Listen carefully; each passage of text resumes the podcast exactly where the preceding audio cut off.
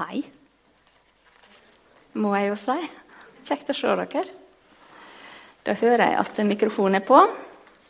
Vi ber ei lita bønn først. Takk, gode Jesus, for at du ser den ene. Det betyr at du ser meg, og du ser hver enkelt her, og de foran skjermen. Hjelp oss til å tro det, ta imot det, og hjelp oss til å se deg i dag. Amen. Ja I dag skal vi lese en tekst som står i Lukas 13, 10-17. En sabbat holdt han på å lære folk i en av synagogene. Der var det en kvinne som hadde vært plaget av en sykdomsånd i 18 år. Hun var helt krumbøyd og kunne ikke rette seg opp. Da Jesus fikk se henne, kalte han henne til seg og sa, 'Kvinne, du er løst fra din sykdom.' Han la hendene på henne, og straks rettet hun seg opp og priste Gud. Men synagogeforstanderen ble forarget fordi Jesus helbredet på en sabbat. Og han sa til dem som var samlet, det er var, det er seks dager i uken til å arbeide på. Da kan dere komme og la dere helbrede, men ikke på sabbaten. Hyklere, svarte Herren. Løser ikke hver eneste en av dere oksen sin eller eselet fra båsen også på sabbaten og leier dem ut for å la dem få drikke? Men her er en Abrahams datter som Satan har holdt bundet i hele 18 år. Skulle ikke hun bli løst av denne lenken på en sabbat? Da han sa dette, ble alle hans motstandere skamfulle, mens folkemengden gledet seg over alt det underfulle han gjorde.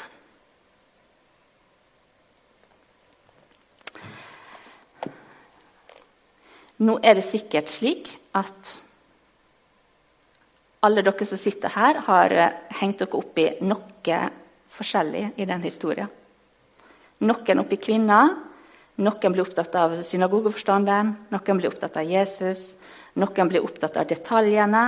Eh, og kanskje noen blir opptatt av at det står at en sykdomsånd hun har vært bundet av Satan. Eh, og Jeg kommer ikke til å gå noe inn på det. Jeg vil bare si at slik Jesus møter denne dama, så ser det veldig annerledes ut enn når han løser ut, eller gangene, de gangene han løser ut de onde åndene. Dette ser ut som de gangene han helbreder. Så Derfor kan vi kanskje tenke at det som blir sagt, eh, handler mer om det generelle syndefallet vi alle står under, og som gjør at vi på mange måter blir bundet. Og hun her konkret var bundet av en sykdom. Og måten han møter henne på, der han sier hun har vært bundet, betyr også at han veldig tydelig sier at dette ikke er hennes feil. For det var noe som de trodde ganske tydelig i den tida, og som også veldig mange tenker i dag. At det handler om oss eh, når vi blir utsatt for ting som vi ikke forstår. Men det er det jeg kommer til å si om det. Jeg er mer opptatt av denne kvinna akkurat nå.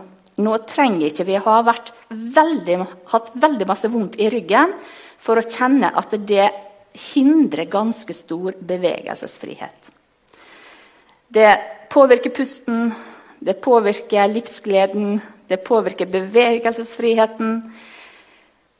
Og når du er så krumbøyd som denne dama tydeligvis var, så fratar det oss muligheten til øyekontakt. 18 år, det er lang tid.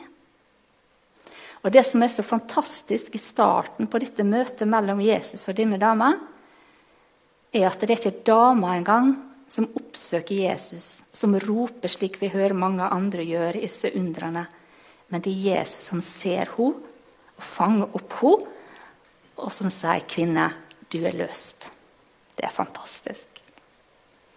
Og i dag så har jeg tenkt å snakke om krokbøyde mennesker. Og Det høres kanskje litt rart ut. Og mange tenker at ok, da gjelder ikke denne talen meg. Men det kan jo hende du blir overraska, så jeg håper du følger med. For det er mange måter å være krokbøyde på. Og jeg tror at denne kvinna hun ble reist både innenfra og utenfra. Og det fins mange måter å være krokbøyde på mentalt, sjelelig eller sosialt. Og det er ganske mange som kan være krokbøyde utapå, som kan kjenne seg oppreist innenfra. Og det er mange av oss som kan se ganske oppreist ut, men som er ganske bunden og krokbøyd innenfra. Og det er det siste jeg skal snakke om. Vi kan f.eks. tenke oss den dama som jeg møtte for noen år siden, som hadde vært kristen hele livet, men som fremdeles ikke hadde frelsesvisshet. For hun hadde en sånn gnagende, ubestemmelig skyldfølelse som holdt henne bundet fra å kjenne at hun var fri i Jesus. Eller 50-åringen som går oppreist og er aktiv i menigheten og jobber og har masse ressurser, og som tror på Jesus og som tror på himmelen. Det er bare så vanskelig å tro at det gjelder akkurat han. Fordi at stemmer fra fortida, mamma og pappa som aldri var helt fornøyd, og som aldri ga noe som helst ros uten at det var perfekt, har gitt han en opplevelse av at jeg sjøl må jobbe så sterkt, slik at budskapet om nåde og himmel det når ikke så sterkt inn som den stemma fra fortida. Så prøver han så godt han kan da, å motbevise at han ikke er bra nok, og prøver å håpe at han kan nå fram, og at det, at det også er en plass for han, mens frykten er som en klo om hjertet. Eller vi kan tenke oss tenåringen som står i skolegården langt inn i et hjørne med hoodien godt trukket over her, for han skal slippe å møte forakten fra andre. Fordi at forakten fra andre gjør han ufri og engstelig, og sjølforakten blir større. Eller vi kan tenke den som går med stolthet og hovmod. For det kan også være bånd. For det kan hindre oss i å bli ufri til å kunne ta imot det som er godt fra Gud og mennesker. Det er mange måter å være bunden på. Og i våre sammenhenger så snakker vi mye om det å bøye seg eller om det å være ydmyk. Gud skal vokse, og jeg skal avta. Og så tenker jeg av og til hva betyr det egentlig? Hva betyr det egentlig? Og Av og til så lurer jeg på om vi har gjort ydmykhet til en mer sånn åndelig ta seg sammen-øvelse enn at det er en åndelig frukt. For hva betyr det? Einar Lundby han var en lege og forkynner og sjelesørger. Han møtte mange mennesker, han holdt masse taler og møter rundt omkring i landet. Og han møtte en dag ei dame som slo seg foran brystet og sa ja, det er nå ikke helt med meg sånn som det skulle vært. Hvor Einar Lundbu ser på henne og sier nei, jeg har hørt det. Og da slo den sanne ydmykhet inn, for dama røyste seg hvem er det som har sagt det? Det er den sanne ydmykhet. Eller er det ydmykhet fordekt stolthet? Bak ydmykhet eller tilsynelatende ydmykhet så kan det ligge veldig mange ting, som f.eks. stolthet, men også sjølforakt. Det kan være mange som kan ha lett for å sette mange foran seg og sier 'du kan', eller Nei, du tar plassen, du, og det virker ydmykt. Og ofte så er det det.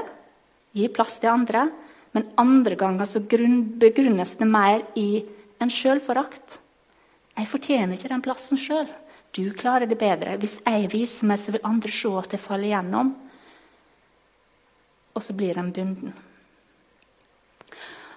Og det er ganske farlig da, når eh, våre forsamlinger som snakker mye om eh, vår syndige natur og tilkortkommenhet, og setter det inn i sammenheng med Gud, men det er så vanskelig å høre det siste. For det er så lett å bare ta det som passer våre følelser, og som faller rett inn og sier ja, sånn er det. Så det blir farlig når vi åndeliggjør det å tenke lite om seg sjøl i en kristen sammenheng. For det er ikke slik Gud ser på oss. Sjøl om vi kommer til kort når det gjelder Han og til å komme til himmelen, for vi trenger Han så ser Gud på oss med et blikk som vi ofte ikke klarer å se oss sjøl med. Eller hverandre.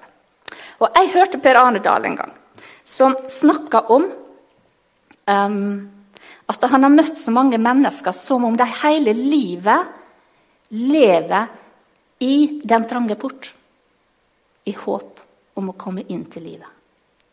Det høres veldig slitsomt ut. Nå skal jeg stå sånn en bitte liten stund og bare kjenne at dette her er slitsomt. dere kan tenke dere det. Og når jeg hørte han sa det, så ble jeg klar over hvordan jeg sjøl i alle år ubevisst har tenkt om den smale vei og den trange port. For jeg vokste jo opp på bedehuset sammen med Erik. Eh, og hørte jo om den smale vei og trange port, og hørte at du må holde deg på den smale vei. Så ubevisst så har jeg laga meg et bilde fra barndommen der jeg går på en smal grusvei. På hver side av den veien så er det store, grønne enger. For jeg hadde jo hørt om de grønne enger. sant? Eh, men jeg holdt meg på den smale veien, for det hadde jeg hørt var viktig. Så jeg tråkka ikke i gresset. Det var viktig. Langt oppi der så var det en diger motorvei med masse bulder og brak og støv og rusk og skit. Det var den breie vei. Det var, det var, ikke bra. Men her skinte sola. Her var det egentlig godt å gå. Jeg gikk der helt alene av en merkelig grunn, men nå var jeg jo et barn. Langt der framme så var det en diger mur. Bak der var himmelen. Der var det fantastisk. Når jeg kom dit, så kunne jeg utfolde meg, og alt var liksom sånn som det skulle være. I den muren så var det en bitte liten port. Og Det sto en del folk foran porten, og de trengte seg sammen. Prøvde å gjøre seg små for å komme inn den trange porten, for det skal jo være så vanskelig, som det står i Bibelen. De som var der, de var mest gamle, for det var jo folk som skulle dø, som sto der. Og jeg var jo langt derfra, for jeg var jo et barn. Så eh, det var bare noe som jeg så for meg. Og Dette bildet har jeg jo aldri tenkt på at jeg har hatt, men når han sa det, så tenkte jeg at ja, Sånn har jeg faktisk tenkt. Men så er det jo ikke sånn. For i 1. Johannes 5 så står det jo noe om at den som har Sønnen, eier livet. Det står i presens. Det er ikke slik at en gang så skal vi få det. Men han har sagt at den som har Sønnen, eier livet. Vi er blitt gitt livet her og nå. Kan dere kjenne at dere kan breie ut hendene litt? Det betyr, folkens Det er ikke min evne til å gå på den smale veien uten å tråkke noe sted, som fører meg til livet. Men det er Jesus som er veien. Og det er ikke min evne til å gjøre meg liten og bøye meg djupt nok som fører meg til livet men det er Jesus som er døra.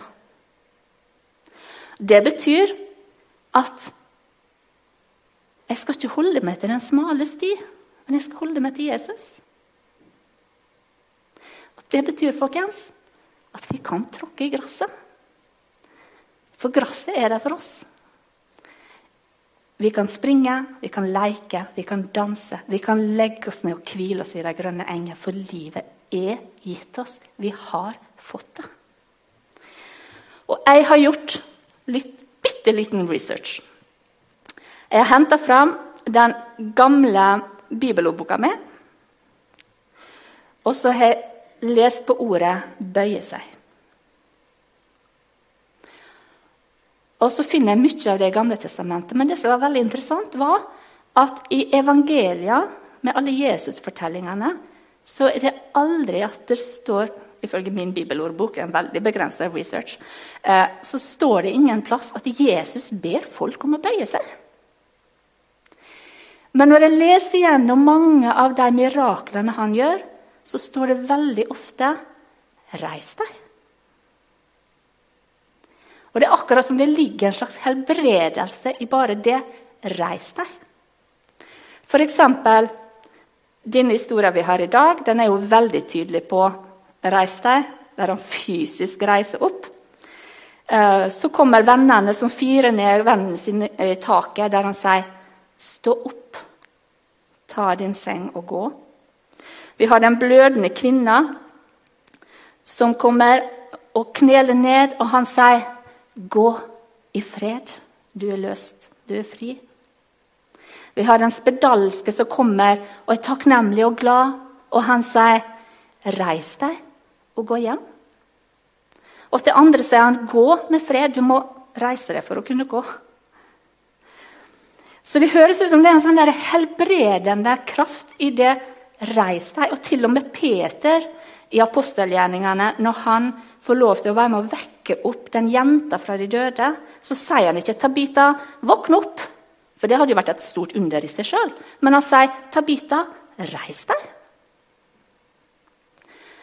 Og det er noe helt eh, fundamentalt i det. For saken er jo at mennesker trenger å reise seg før de kan klare å bøye seg. Hvis vi ser på en liten baby som er på kravlestadiet, det er jo ikke å bøye seg. Den må først klare å reise seg, finne stabiliteten i kroppen, stå på beina, før de er i stand til å klare å bøye seg uten å falle. Reis deg. Vi trenger ikke å stå inne i den trange port.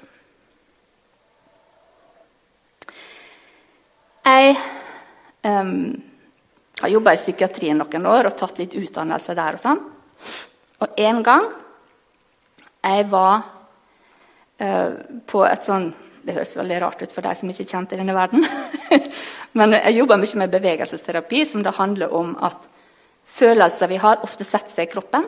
Og ved å jobbe gjennom kroppen så kan vi jobbe med følelsene. Så var jeg på et kurs, og der var det ei dame som sa Hun snakka om verdighetslinja i kroppen. Og i ordet verdighet så ligger jo ordet verdi. Ja? Så hun sa at blant oss i dag så er det ofte slik at vi legger verdighetslinja herifra og ut til andre. Min verdi avhenger av andres blikk, av andres tilbakemeldinger, om andre liker meg eller ikke liker meg, og så kommer det som en sånn pil her, som gjør ofte noe med kroppen vår. Vi kryper litt sammen. Blir litt mer usikre. Forakt fra andre, kanskje. Eller kanskje det er det jeg ser, så gjør at jeg kryper mer sammen og blir mer bunden. Og så sa hun Hun ante ikke at hun da ga meg en veldig andakt. Men så sa hun Tenk at verdighetslinja di kommer ovenfra. Og så gjorde hun sånn, som hun åpna hånda si ovenfra og sier Tenk at verdighetslinja di kommer ovenfra. Og kjenn hva det gjør med kroppen. Og når jeg kan forstå i min verdighetslinje, som er gitt meg ovenfra, så kan jeg møte deg der du står i din verdighetslinje, ansikt til ansikt. Er ikke det fint? Det å stå i min verdighetslinje, det er Gud som har gitt meg verdi. Det er Gud som har reist meg opp. Og det er den Gud har gjort meg, at jeg også kan møte andre med verdighet og med et annet blikk. Forhåpentligvis. Johannes i kapittel, Johannes, ja, Johannes døpen eh, i Johannes 3, han sier noe om han skal vokse, altså om Jesus. Han skal vokse, jeg skal avta. Når det blir sagt i den forbindelse, så hører vi at det blir satt i et riktig perspektiv. For det er faktisk ikke sånn at, at den andre blir større fordi jeg bøyer meg. Det bare føles sånn. Den andre vokser ikke nå. Så det er ikke min evne til å bøye meg eller gjøre meg mindre eh, som gjør at Gud vokser. Men det er at han får vokse og får plass og blir større, som gjør at jeg avtar. Og jeg tror at ydmykhet ikke handler om å tenke smått om oss sjøl og holde oss sjøl bunden, men ydmykhet handler om å gi Han plass, slik at jeg får se meg sjøl i det rette perspektivet. Eller som, som en som heter Dag Hammarskjöld sier, sann ydmykhet er å stå oppreist innenfor en som er så mye større enn deg sjøl. Jeg gikk her en dag, en kveld, og så tenkte jeg Begynner liksom å tenke at Gud, du er her.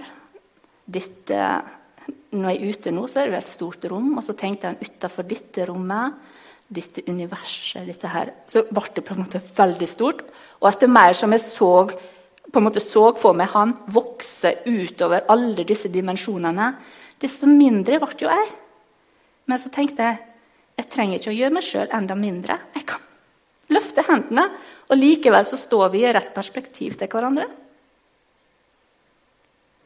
Han skal vokse, og jeg skal få avta. Det er ikke et aktivt arbeid fra min side at jeg bøyer meg, men det er en reaksjon på at Gud er stor, som gjør at jeg bøyer meg. Så hvis vi går tilbake til teksten Det var en synagogeforstander der. Han var forarga. Det står han ble forarget. Og Rett oversatt i vår tid så er det vel menighetslederen da, som er blitt forarga. Uh, han har noen regler som han eh, er opptatt av å følge, og som han tenker er riktig. Og som han ikke bare er bunden av sjøl, men som han prøver å binde alle andre inn i. Og står faktisk i fare for å ville binde Gud sjøl. Han høres egentlig ganske krumbøyd ut. For for han så hadde barmhjertigheten søndagsstengt. Barmhjertighet det gjør vi de andre dagene i uka, men ikke på søndag. For da skal vi prise Gud. Eh, eller har han mista noe på veien? Barmhjertigheten hadde ikke søndag stengt for Jesus. Og denne forstanden, han var så krumbøyd i alle disse buda og lovene og reglene at han klarte faktisk ikke å se at Gud sjøl sto midt iblant dem. Han klarte ikke å se at her er det en som er over alle regler og over tid og sted, og som bøyer seg ned og reiser opp og løser ut.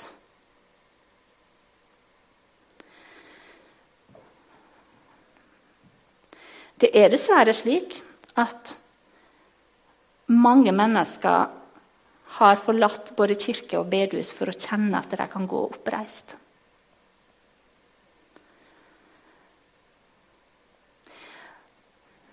Fordi det er mange som kan prøve å binde. Og de båndene kan ha mange navn. De kan ha navn som forakt. Det syder forakt uh, i uh, samfunnet i dag alle nettroller som det bare blomstrer opp, og vi sitter foran sofaen og vi føler vi kan si det vi tenker og mener. Vi har så mye forakt i oss. Det gjør noe med oss, og det gjør noe med de rundt oss. Stolthet og sjølgodhet kan være bånd som binder. Manglende barmhjertighet, lover og regler. Og det er ganske sterkt i den teksten som Lillian la i stad. Den som undertrykker den svake, han håner sin skaper. Det er så sterkt sagt, det. Og det er liksom, Jeg kjenner at det synker litt i magen. For det er så sterkt sagt. Den som undertrykker den svake, den håner sin skaper. Så vi trenger å se oss sjøl med Guds øyne. Og vi trenger å se hverandre med Guds øyne. Og denne kvinna, som hadde stått krumbøyd i 18 uendelig lange år Hun kunne kjenne at Jesus er en som ikke bare reiser opp utenfra, som var fantastisk i seg sjøl, men reiser opp innenfra.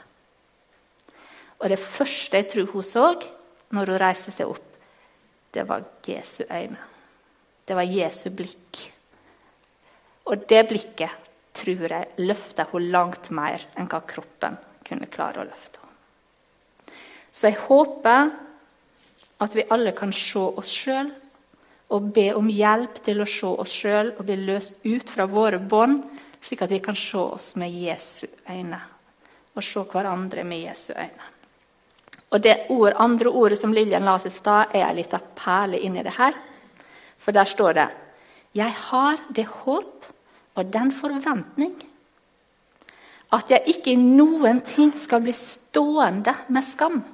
Det var så fantastisk når jeg la det, for jeg tenkte wow, jeg skal ikke bli stående med skam. Men eh, at Kristi storhet, da har vi perspektivet, nå og alltid før skal bli synlig for alle og enhver ved det som skjer med meg. Enten jeg lever eller dør. Vi skal ikke bli stående med skam, men gjennom det Jesus får gjøre med oss, så kan han få bli stor. Amen.